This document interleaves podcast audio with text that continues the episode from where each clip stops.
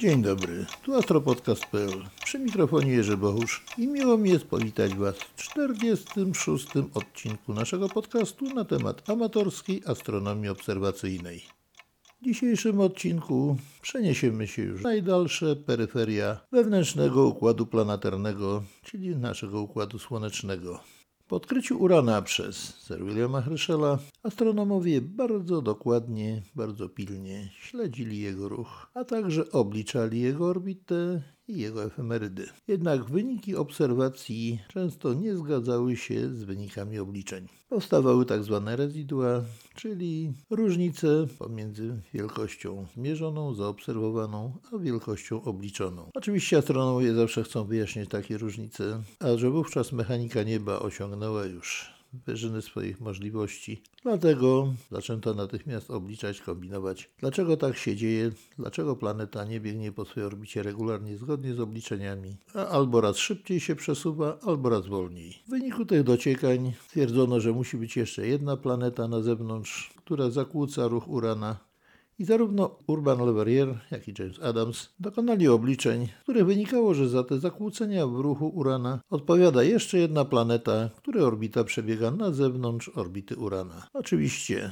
były tam różne przygody, różne dziwne rzeczy się działy. W każdym razie możecie o tym posłuchać w 44 odcinku naszego podcastu i w wyniku tych obliczeń, na podstawie obliczeń Leveriera, niemiecki astronom Gale odnalazł na niebie planetę, którą nazwano potem Neptunem. Ale już tydzień po odkryciu, bo 20 września 1846 roku, Leverrier stwierdził, że prawdopodobnie istnieje jeszcze jedna planeta poza orbitą Neptuna, która dodatkowo powoduje zakłócenia zarówno w ruchu Urana, jak i Neptuna. Oczywiście astronomowie wzięli się za obliczenia, spekulacje różne były, przypuszczenia itd. W ruch poszły obliczenia, przemyślenia różne. Ale w zasadzie jeszcze nic takiego się nie działo, aby podjąć obserwacje, w wyniku których można byłoby odszukać tą jeszcze dalszą niż Neptun planetę.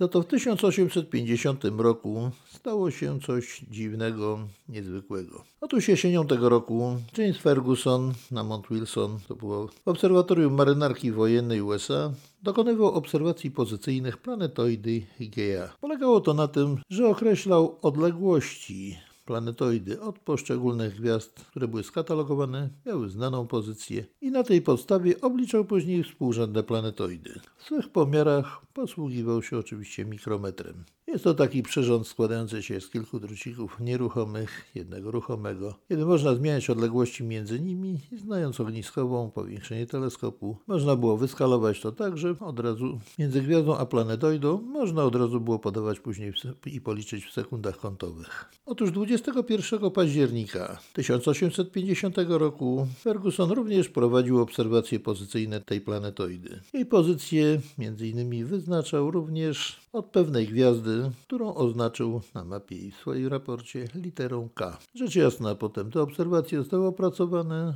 opublikowane i wszystko byłoby bardzo dobrze, nikt by nie zwrócił na nic uwagi, gdyby nie to, że 18 stycznia 1851 roku James Russell Hind, brytyjski astronom, wówczas jeszcze młody, dowiedział się o tej publikacji i zechciał sprawdzić raport Fergusona. Dochodząc do dnia 21 października 1850 roku, doszedł do tej obserwacji. Wszystko było bardzo dobrze, tyle tylko, że w atlasie swoim swoich mapach nie odnalazł gwiazdy K. Nie byłoby w tym może nic dziwnego, ponieważ to były jeszcze wczesne mapy, wczesne atlasy. Nie było tak dokładnych pomiarów pozycyjnych były często niekompletne, słabsze gwiazdy pominięto, a, to, a była to bardzo słaba gwiazda z rzędu 15 wielkości, czyli naprawdę słabiutka. Więc wszystko byłoby znowu dobrze, gdyby pan Hint nie postanowił sprawdzić tego obserwacyjnie i nie skierował teleskopu na niebo.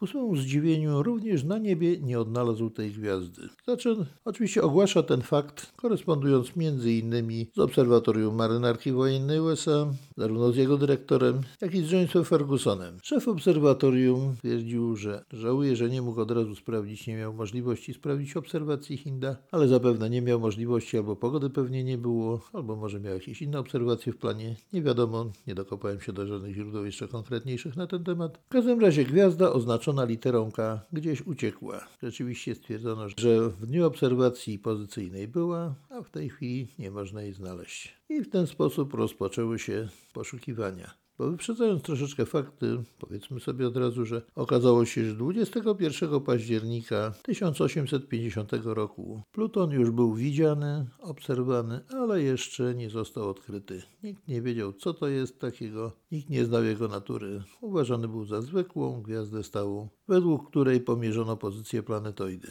Skoro gwiazda była i zniknęła, natychmiast zauważono, że jedną z możliwości jest fakt, że była to planeta krążąca daleko poza orbitą Neptuna. Ferguson natychmiast podjął dalsze poszukiwania. Oprócz niego jeszcze paru innych obserwatorów poszukiwało w innych obserwatoriach, niestety bezskutecznie. Po pewnym czasie oczywiście ta szacowana, bo nie można powiedzieć nawet obliczona pozycja tej gwiazdy zbliżyła się już do drogi mlecznej w okolicach gwiazdozbioru Strzelca. To już było poszukiwanie igły w gigantycznym stogu siana. Wyobraźcie sobie, że patrzycie na niebo, na drogę mleczną, okolice Strzelca, przez dosyć spory teleskop, to zobaczycie tam setki tysięcy gwiazd. Słabiutkich, niczym się nie wyróżniających i wśród tych setek tysięcy trzeba znaleźć tą jedną, o którą nam chodzi. No, rzecz praktycznie niewykonalna. Dlatego Ferguson i inni zarzucili te obserwacje na jakiś czas. Oczywiście zarzucili to nie znaczy, że o nich zapomnieli. Sprawa gwiazdy, która zniknęła, intrygowała przez cały czas astronomów i nie dawało im spokoju. W 1858 roku zainteresował się sprawą i wrócił do niej profesor Histan Peters. Podszedł do zagadnienia od innej strony, ponieważ zbadał zarówno mikrometr, jak i obserwacje, przeczytał dzienniki. Doszedł do wniosku, że Ferguson po prostu pomylił poszczególne druciki, według których oznaczał odległości między gwiazdą a planetoidą, albo że nieściśle to zrobił i w tym momencie biorąc pod uwagę pewne tam przesunięcia, użycie innych elementów mikrometru, a było ich trzy stałe druciki, jeden ruchomy, zauważył, że można równie dobrze wtedy tą planetoidę podpiąć pod inną gwiazdę, która była gwiazdą stałą dobrze znaną i widoczną na niebie. Gdyby to wszystko było prawdą, to w ten sposób okazałoby się, że tej gwiazdy w ogóle nie ma, nie istnieje, a wystąpił tylko błąd obserwacyjny. Ale jednocześnie inni astronomowie zaatakowali problem zupełnie z innej strony. I tak w 1879 roku Camille Flammarion przeprowadza analizę orbit kilku komet, których afelia, czyli najdalej od Słońca oddalone punkty orbity, przebiegają już poza orbitą Neptuna. Jest to dosyć długa i skomplikowana analiza, nie będziemy o niej tutaj dokładniej mówić. W każdym razie wynikało z niej, że za ruchy pewnych komet o afeliach będących poza orbitą Neptuna może odpowiadać nieznana planeta, której orbita leży znacznie dalej niż orbita Neptuna. Co prawda Flammarion tylko zreferował swoje przemyślenia na ten temat, ale nie podjął jakichś szczegółowych obliczeń, ani nie rozpoczął obserwacji w tym kierunku. Jednak dał do zrozumienia innym astronomom, że planeta transneptunowa może istnieć i można ją właśnie odnaleźć na podstawie analizy ruchów komet. Oczywiście przez cały ten czas trwały obserwacje orbit zarówno Urana, jak i Neptuna. Dokonywano coraz dokładniejszych pomiarów i cały czas okazywało się, że pewne rezydua, czyli niezgodności obserwowanego minus obliczonego, cały czas występują. To skłoniło wielu innych astronomów do podjęcia na podstawie tych rezyduów i innych przesłanek próby obliczenia zarówno pozycji, zarówno orbity tej planety, która zakłócała ruch zarówno Urana, jak i Neptuna. Są to bardzo skomplikowane obliczenia, nie będziemy ich tutaj przytaczać ani zajmować się nimi szczegółowo. Trzeba wziąć pod uwagę bardzo dużo czynników, przecież oprócz Urana i Neptuna jest jeszcze Saturn, Jowisz, bardzo ciężkie planety, duże, mocno oddziałujące grawitacyjnie na swoje otoczenie. To wszystko trzeba było uwzględnić. Obliczenia były naprawdę koszmarne, skomplikowane, tym bardziej, że wtedy jeszcze nie było komputerów. Jedynie jakieś prymitywne arytmometry, które dzisiaj praktycznie możemy znaleźć jedynie w muzeach. Wraz z tymi obliczeniami podjęto obserwacje. Najbardziej zaawansowane, najbardziej dokładne obliczenia przeprowadził Percival Lowell, bardzo zainteresowany planetą pozaneptunową. Chciał ją też tak samo odkryć, a musiał w pewnym sensie powtórzyć zarówno pracę Leveriera, jak i Adamsa. Na podstawie rezyduów odkryć, znaczyć miejsce, gdzie szukać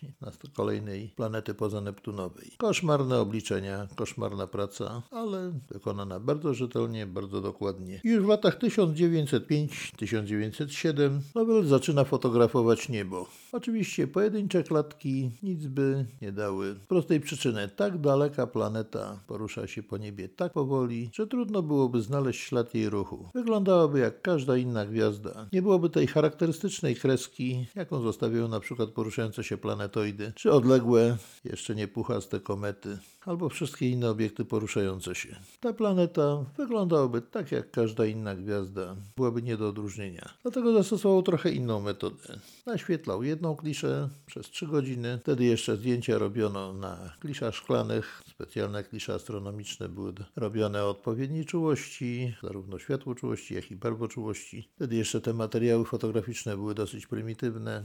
Chociaż jak na ówczesne czasy to i tak do, w astronomii stosowano najlepsze, jakie tylko się dało. Poszczególne klisze były bardzo drogie i zazwyczaj Kodak albo inna firma robiła to na specjalne zamówienie dla danego obserwatorium. Po, po naświetleniu pierwszej kliszy czekał 3 dni i znowu naświetlał przez 3 godziny ten sam obszar nieba. Wychodząc z założenia, że w ciągu 3 dni nawet tak powolny obiekt jak planeta transneptunowa jednak przemieści się o jakąś mierzalną odległość. Wykonano wówczas całą masę zdjęć prawie wokół całej ekliptyki. Znaleziono mnóstwo planetoid nowych, znaleziono nowe komety, bardzo dużo innych obiektów, gwiazd zmiennych, galaktyk i tak dalej, nowych nieznanych, ale planety poza Neptunowej nie wykryto. W 1914 roku zarówno Lampland, jak i Lovell w dalszym ciągu podejmują fotograficzne poszukiwania nieznanej planety. W 1915 roku Lovell kończy bardzo dokładne obliczenia na podstawie rezyduów zarówno Urana, jak i Neptuna, uwzględniając wszystkie możliwe i znane czynniki jak najdokładniej, wyznacza pozycję na niebie, w której powinna znajdować się poszukiwana planeta. Oczywiście,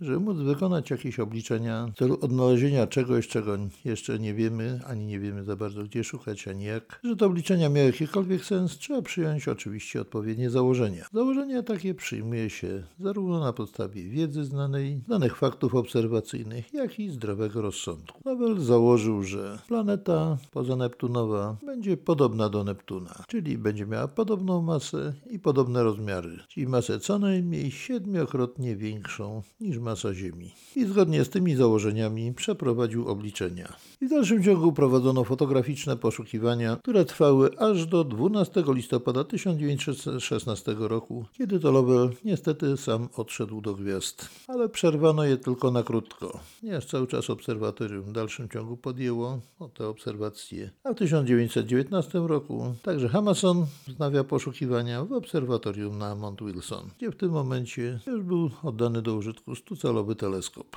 A swoje poszukiwania prowadził podobną metodą jak Lovell, naświetlając po dwie klisze w pewnych odstępach czasu, najczęściej kilkudniowych. Wykonano całe setki zdjęć, odkryto znowu sporą ilość komet, planetoid, różnych innych obiektów typu galaktyki, gromady, ale nijak nie potrafiono odnaleźć tu nowej planety.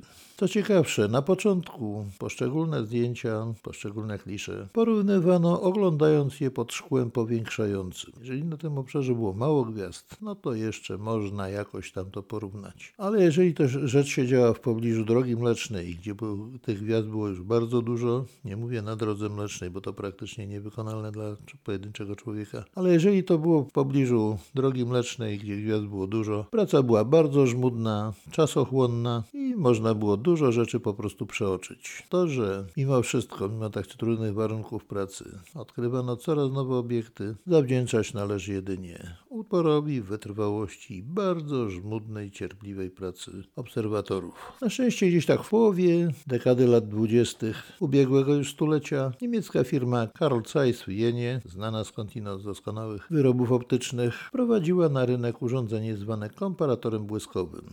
Na czym to polegało? Było to bardzo pomocne i bardzo użyteczne dla astronomów urządzenie, umożliwiające w sposób stosunkowo łatwy i szybki porównać dwie klisze ze sobą i, i dosyć łatwo odnaleźć obiekty, o które chodzi. Na czym to polegało? Ano na tym, że do urządzenia wkładało się obok siebie dwie płyty szklane, dwie klisze, które były podświetlane raz jedna, raz druga, a ich obraz kierowany był do tego samego okularu urządzenia i był, był widoczny co chwilę chwilę raz jeden, raz drugi. Działanie tego urządzenia przypomina troszeczkę projektor filmowy, działający na bardzo podobnej zasadzie. Mianowicie, że szybkich zmian oświetlenia, zmian położenia poszczególnych obiektów oko ludzkie po prostu odbiera jako ruch. Poza tym w ogóle oko człowieka jest, i nie tylko chyba człowieka, jest bardziej wrażliwe na obrazy ruchome, na ruch, niż na rzeczy statyczne. Otóż patrząc tak na przemian, te dwie klisze na przemian podświetlane, widać natychmiast, że to, co jest stałe, nieruchome, pozostaje nieruchome.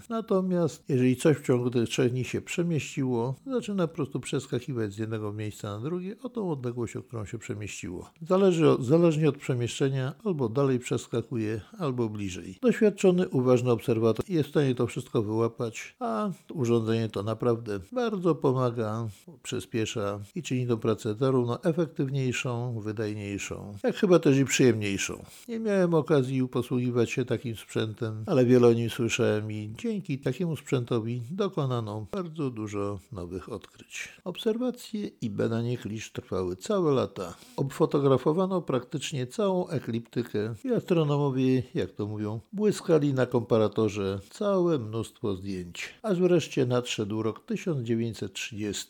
W tym właśnie roku nastąpiło odkrycie. Oczywiście można o tym dużo opowiadać i tak dalej, ale najlepiej chyba i najciekawiej powie nam to sam odkrywca, czyli Clayton Bauch, wówczas młody jeszcze pracownik obserwatorium. Oddajmy mu zatem głos.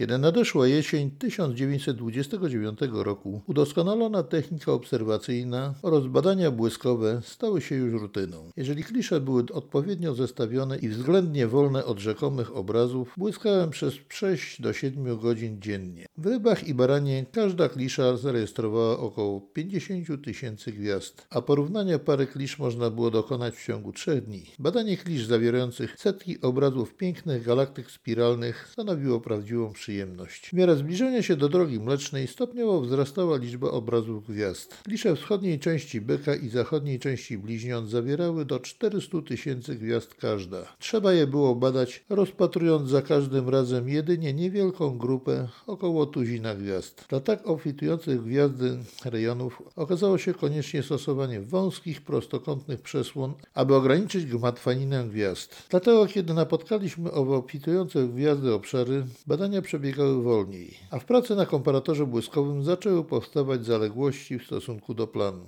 W lutym 1930 roku po uporaniu się z kliszami byka przeskoczyłem do badania klisz ze wschodniej części bliźniąc, gdzie gwiazdy nie były tak bardzo stłoczone. Ta ostatnia konstelacja została sfotografowana na całej długości w końcu stycznia owego roku, które naświetlano odpowiednio 21, 23 i 29 stycznia, ale pierwsza z nich z uwagi na złą jakość nie nadawała się do badania błyskowego. Umieściłem dwie pozostałe w komparatorze i zacząłem badać wschodnią połowę od południowego końca. Do godziny 4 po południu 18 lutego przeegzaminowałem czwartą część powierzchni kliszy. Zająwszy się nowym polem obserwacyjnym, o 2 trzecie stopnia na wschód od delty, nagle wyśledziłem obiekt 15 wielkości, wyskakujący i chowający się w tle. Zaledwie o 3,5 mm od niego inny obraz 15 wielkości robił to samo. Pojawiały się jednak na zmianę. Raz jeden, raz drugi, zależnie od tego, która klisza była widoczna przez okular. To jest to, wykrzyknąłem sam do siebie. Zmiana pozycji zaledwie o 3 czy 4 mm w ciągu 6 dni była stanowczo zbyt mała dla zwykłego asteroidu w pobliżu opozycji. Ale czy te obrazy były prawdziwe czy rzekome? Bezzwłocznie wyjąłem klisze o wielkości 6 na 10 cali, naświetlane przez naszą kamerę Coca-Cola, jednocześnie z kliszami 13-calowymi. Znajdowały się na nich obrazy wprawdzie na granicy widzialności, ale dokładnie w tych samych odpowiednio położeniach. Coraz bardziej podniecone wyjąłem Wyjąłem kliszę z 21 stycznia i pospiesznie zbadałem je za pomocą ręcznej lupy. Pomimo, że klisza 13-calowa była kiepska, znajdował się na niej obraz przesunięty około milimetra na wschód w stosunku do położenia z 23 stycznia. Potwierdzała to klisza 5-calowa. Wszelka możliwość, że zjawisko może być parą gwiazd zmiennych została w ten sposób wyeliminowana. Następnie zmierzyłem przemieszczenie za pomocą linijki z podziałką milimetrową. Obiekt przesuwał się ruchem wstecznym o około 70 sekund łuku na dobę. Głowę. Wyglądało na to, że to właśnie to. Doktor Lampland był w swoim biurze po drugiej stronie holu. O godzinie 4.45 po południu powiedziałem mu, że coś znalazłem. Przyszedł i usiadł przy komparatorze. Następnie poszedłem do biura dyrekcji, aby poinformować doktora Sliffera, który pospieszył przez hol do sali komparatora. Dwaj astronomie powtórzyli ku swemu zadowoleniu te same badania kontrolne. Atmosfera była pełna napięcia. Wyjrzeliśmy przez okno. Niebo było bardzo pochmurne. Nie istniała żadna szansa fotograficznego odnalezienia tego wieczoru pozycji planety. Doktor Slipher stwierdził z naciskiem, że nie wolno niczego ogłaszać, dopóki w ciągu następnych tygodni nie zostanie dokonane potwierdzenie Następny wieczór 19 lutego był pogodny. Można więc było dokonać jednogodzinnej ekspozycji rejonu Delty Bliźniąt. Wywołałem tę kliszę i pozostawiłem ją w suszarce, aby była rano gotowa do błyskania wraz z jedną z klisz, na których dokonano odkrycia. Chociaż zdjęcia owe wykonano w ciągu trzech tygodni, szybko znaleziony został nowy obraz około centymetra od pozycji z 29 stycznia. Z upływem tygodni ruch obiektu przebiegał idealnie zgodnie z tym, czego oczekiwano od planety pozaneptunowej.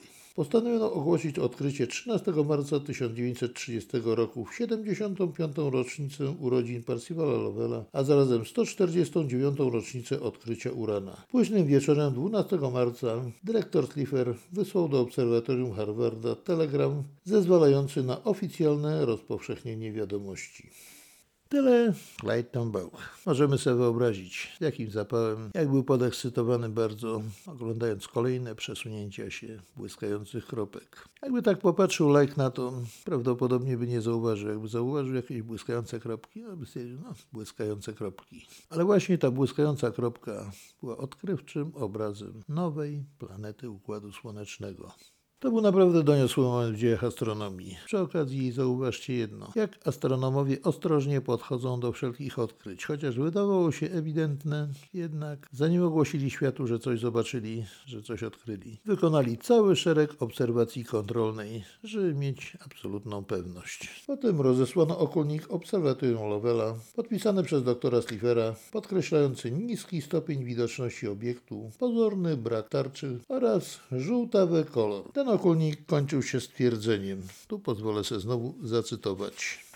Jak dotąd nasza wiedza o tym obiekcie oparta jest przede wszystkim na obserwacji jego drogi oraz ustaleniu prędkości jego ruchu. Wydają się one, podobnie jak pozycja i odległość, odpowiadać jedynie obiektowi pozaneptunowemu, wyraźnie spełniającemu teoretyczne wnioski Lovella. Jest za wcześnie dużo mówić o owym godnym uwagi obiekcie. Zdajemy sobie sprawę z konieczności zachowania daleko idącej ostrożności, jeśli chodzi o niezbędne związane z tym interpretacje przy ogłaszaniu tego odkrycia, zanim w pełni wykazane zostało jego znaczenie. Wydawało się wszak, że niewątpliwym obowiązkiem wobec nauki poinformowanie o jego istnieniu innych astronomów w czasie umożliwiającym obserwowanie obiektów w dogodnym położeniu, zanim znajdzie się na wieczornym niebie zbyt nisko, aby dało się prowadzić skuteczną obserwację.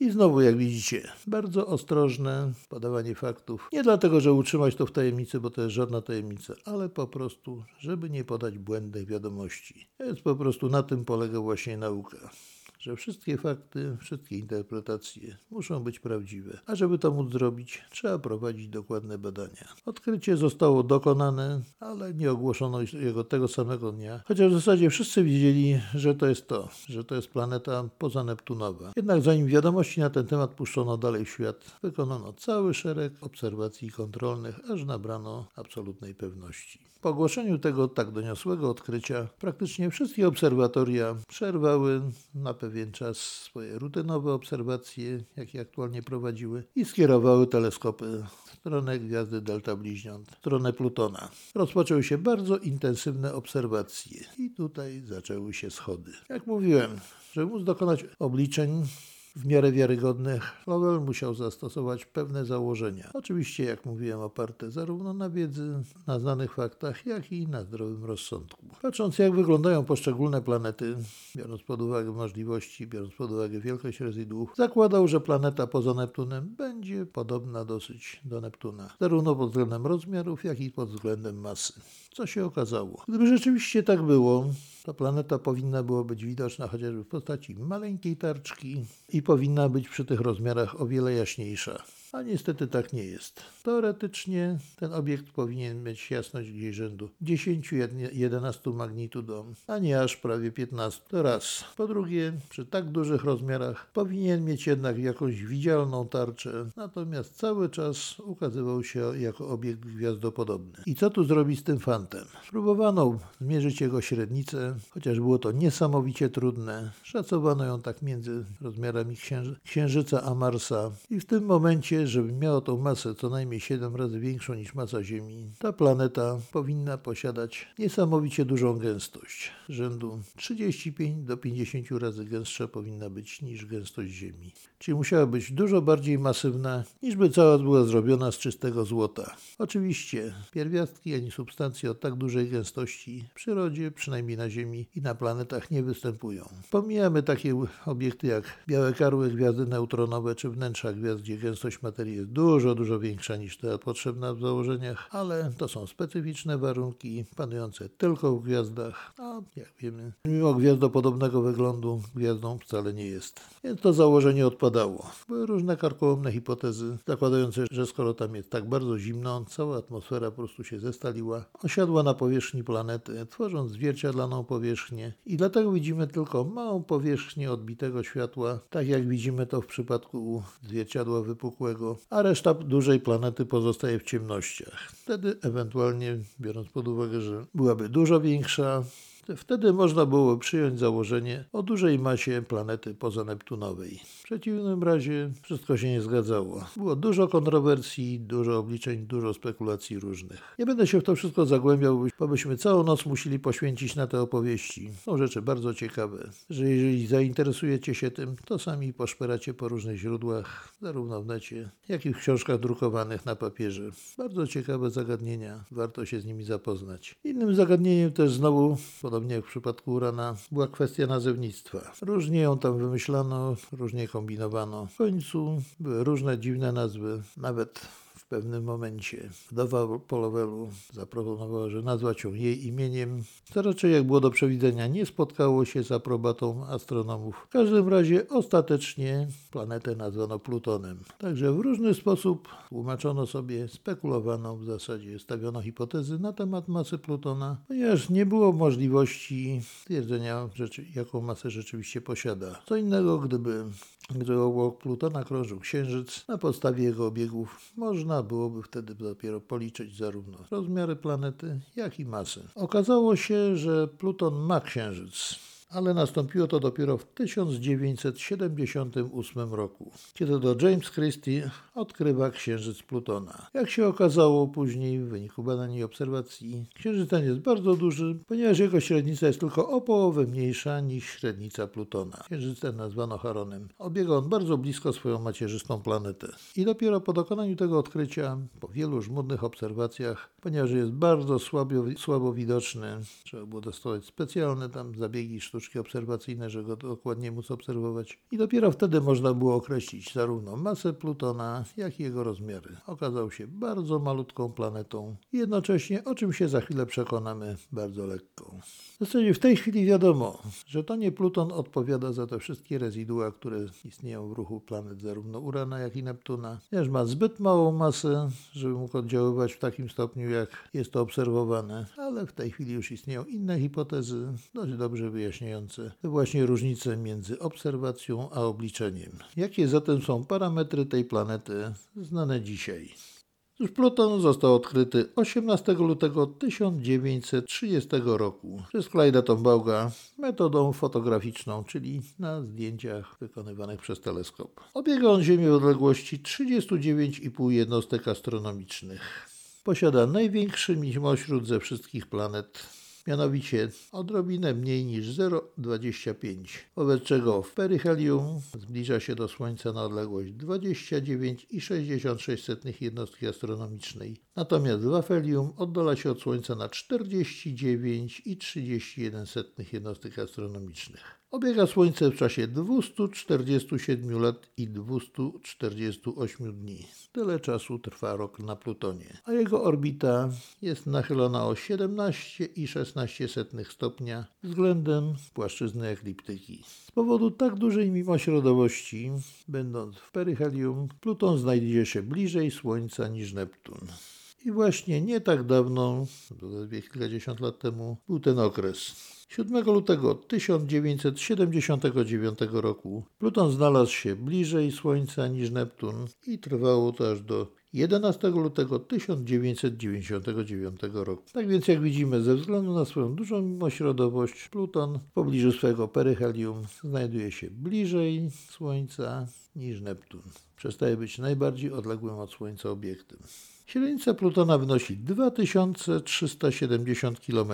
Jak widzimy zatem jest sporo mniejszy od naszego Księżyca. Jego gęstość wynosi 1,869 grama na centymetr sześcienny, a przyspieszenie na powierzchni Plutona wynosi 0,62 metra na sekundę do kwadratu, czyli jest nieco więcej niż 6% przyspieszenia ziemskiego. Także będąc na powierzchni Plutona ważylibyśmy około 6% naszej aktualnej wagi. Zarówno my, jak i wszystkie otaczające nas przedmioty. Okres obrotu Plutona wokół własnej osi wynosi 153 godziny 20 minut, a porusza się on ruchem wstecznym. W przeciwieństwie do innych planet, za to podobnie jak Uran, a także podobnie jak Wenus, do czego jeszcze kiedyś tam dojdziemy.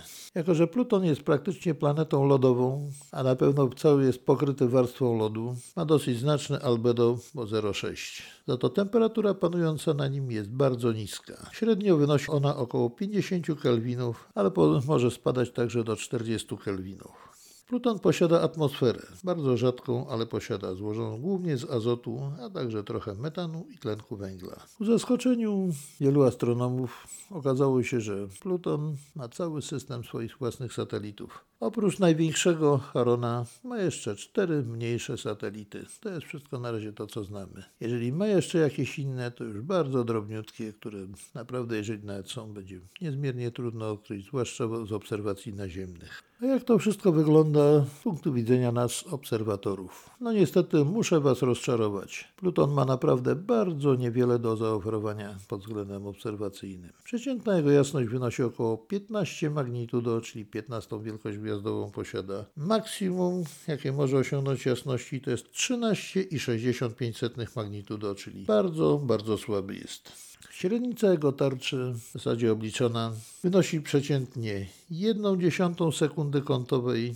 zaledwie, a może się wahać między 600 a 11 sekundy kątowej. Żeby móc zobaczyć w ogóle Plutona, trzeba użyć teleskopu co najmniej 20-centymetrowego, szczególnie przy dobrych warunkach. Lepszy jeszcze byłby 25 cm. Za to bez większego trudu powinniśmy go ujrzeć w teleskopie rzędu 40 cm średnicy obiektywu, niezależnie czy będzie to zwierciadło czy soczewka, ale i tak najlepiej będzie widoczny dopiero w dobrych warunkach atmosferycznych. Nie, przy lekko zamglonym, zamulonym niebie może być już niewidoczny. Jeżeli uda nam się go znaleźć, podstawową rzeczą będzie zidentyfikowanie go. Świeci jako słabiutka, 15 wielkości gwiazdka koloru Żeby się upewnić, że to jest na pewno Pluton, trzeba wykonać jeszcze dwie obserwacje. Najpierw jedną, a po kilku dniach dopiero następną, żeby przekonać się, czy się porusza. Jak to najłatwiej jest zrobić? No, wydrukować mapę taką już w dużej skali najbliższej odległości Plutona. Oczywiście pewna ilość tam map, map, do dojścia też trzeba będzie, ale to już zależnie od sytuacji, od obserwatora, jak ile kto będzie potrzebował. Ale mapa robocza powinna być w dużej skali, tak żeby widoczny tylko Pluton i najbliższe gwiazdy porównania o zasięgu nieco większym niż teoretyczny zasięg teleskopu. Jeżeli skierujemy teleskop na Plutona, znajdziemy go. Zaznaczmy, którą to gwiazdę uważamy za Plutona. Prawdopodobnie Prawdopodobnie, jeżeli będziemy drukowali mapę z programu astronomicznego, ten już nam wskaże, która to jest gwiazdka, który to jest obiekt, będzie jakoś zaznaczony. Żeby się przekonać o jego ruchu, zmianie jego pozycji, za kilka dni musimy powtórzyć tą samą obserwację, używając najlepiej tej samej mapy. Jeżeli mapa będzie miała szerokość powiedzmy sobie minutę czy dwóch minut kątowych, będzie w zupełności wystarczająca. I w tym momencie na tej samej mapie patrzymy, czy ta wcześniej zidentyfikowana gwiazdka bo będzie to widoczne jako, jako słaba gwiazdka, zmieniła pozycję czy nie. Najlepiej zaznaczyć na tej mapie, bo to jest mapa robocza do rysowania, do bazgrania po niej. Najlepiej zaznaczyć jest nową pozycję i wtedy sprawdzić tym, co obliczył nam program. Jeżeli to się będzie zgadzało, możemy powiedzieć, że widzieliśmy, obserwowaliśmy Plutona. I to jest w zasadzie wszystko, co możemy zrobić. Nie łudźmy się, że zobaczymy na Plutonie jakieś szczegóły. Absolutnie wykluczone. Nawet dużym teleskopem dysponując półmetrowym, nie łudźmy się, że zobaczymy Harona, bo nie zobaczymy. Ale cieszmy się z tego, że zobaczyliśmy najdalszą planetę Układu Słonecznego, leżącą praktycznie już na peryferiach bliskiego Układu Słonecznego. Dalej się rozciąga tylko pas Kuipera i hipotetyczny obłok kometarny Orta. Ale to już jest bardzo, bardzo daleko.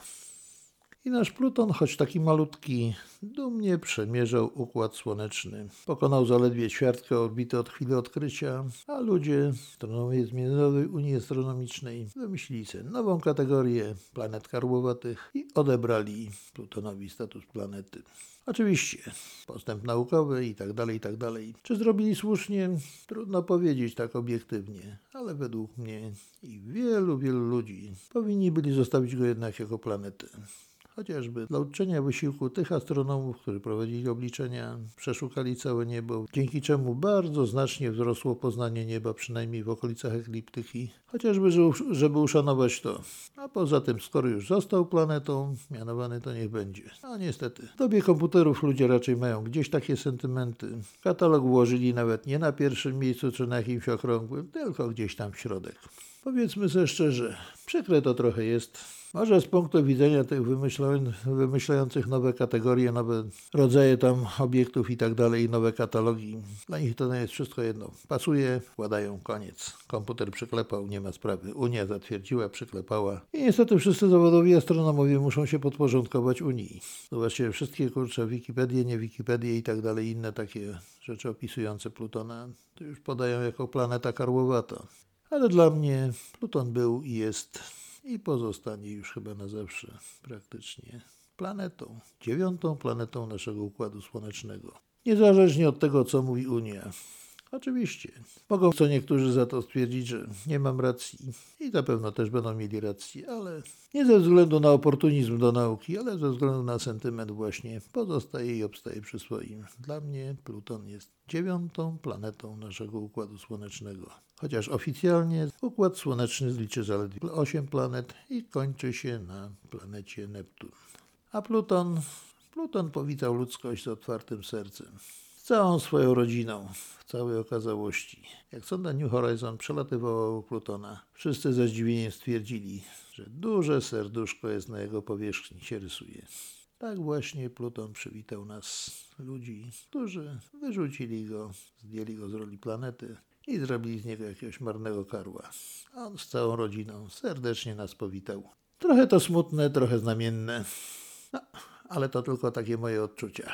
Nie każdy się z nimi musi zgadzać, też będzie miał rację. Po prostu w tej chwili mówię tak, jak myślę, tak jak czuję. I to już wszystko na dzisiaj. Pora wracać na Ziemię z peryferii Układu Słonecznego. Jak zawsze zapraszam Was wszystkich do kontaktu, zarówno w komentarzach pod podcastem, jak i kontaktu mailowego, a także jestem jak zawsze dostępny na mediach społecznościowych takich jak Facebook, Instagram, Twitter. A na dzisiaj żegnam się już z Wami. Życzę Wam miłego dnia albo dobrej nocy, zależnie kiedy tego słuchacie. A wszystkim obserwatorom życzę czystego nieba i udanych obserwacji. Do usłyszenia w następnym odcinku.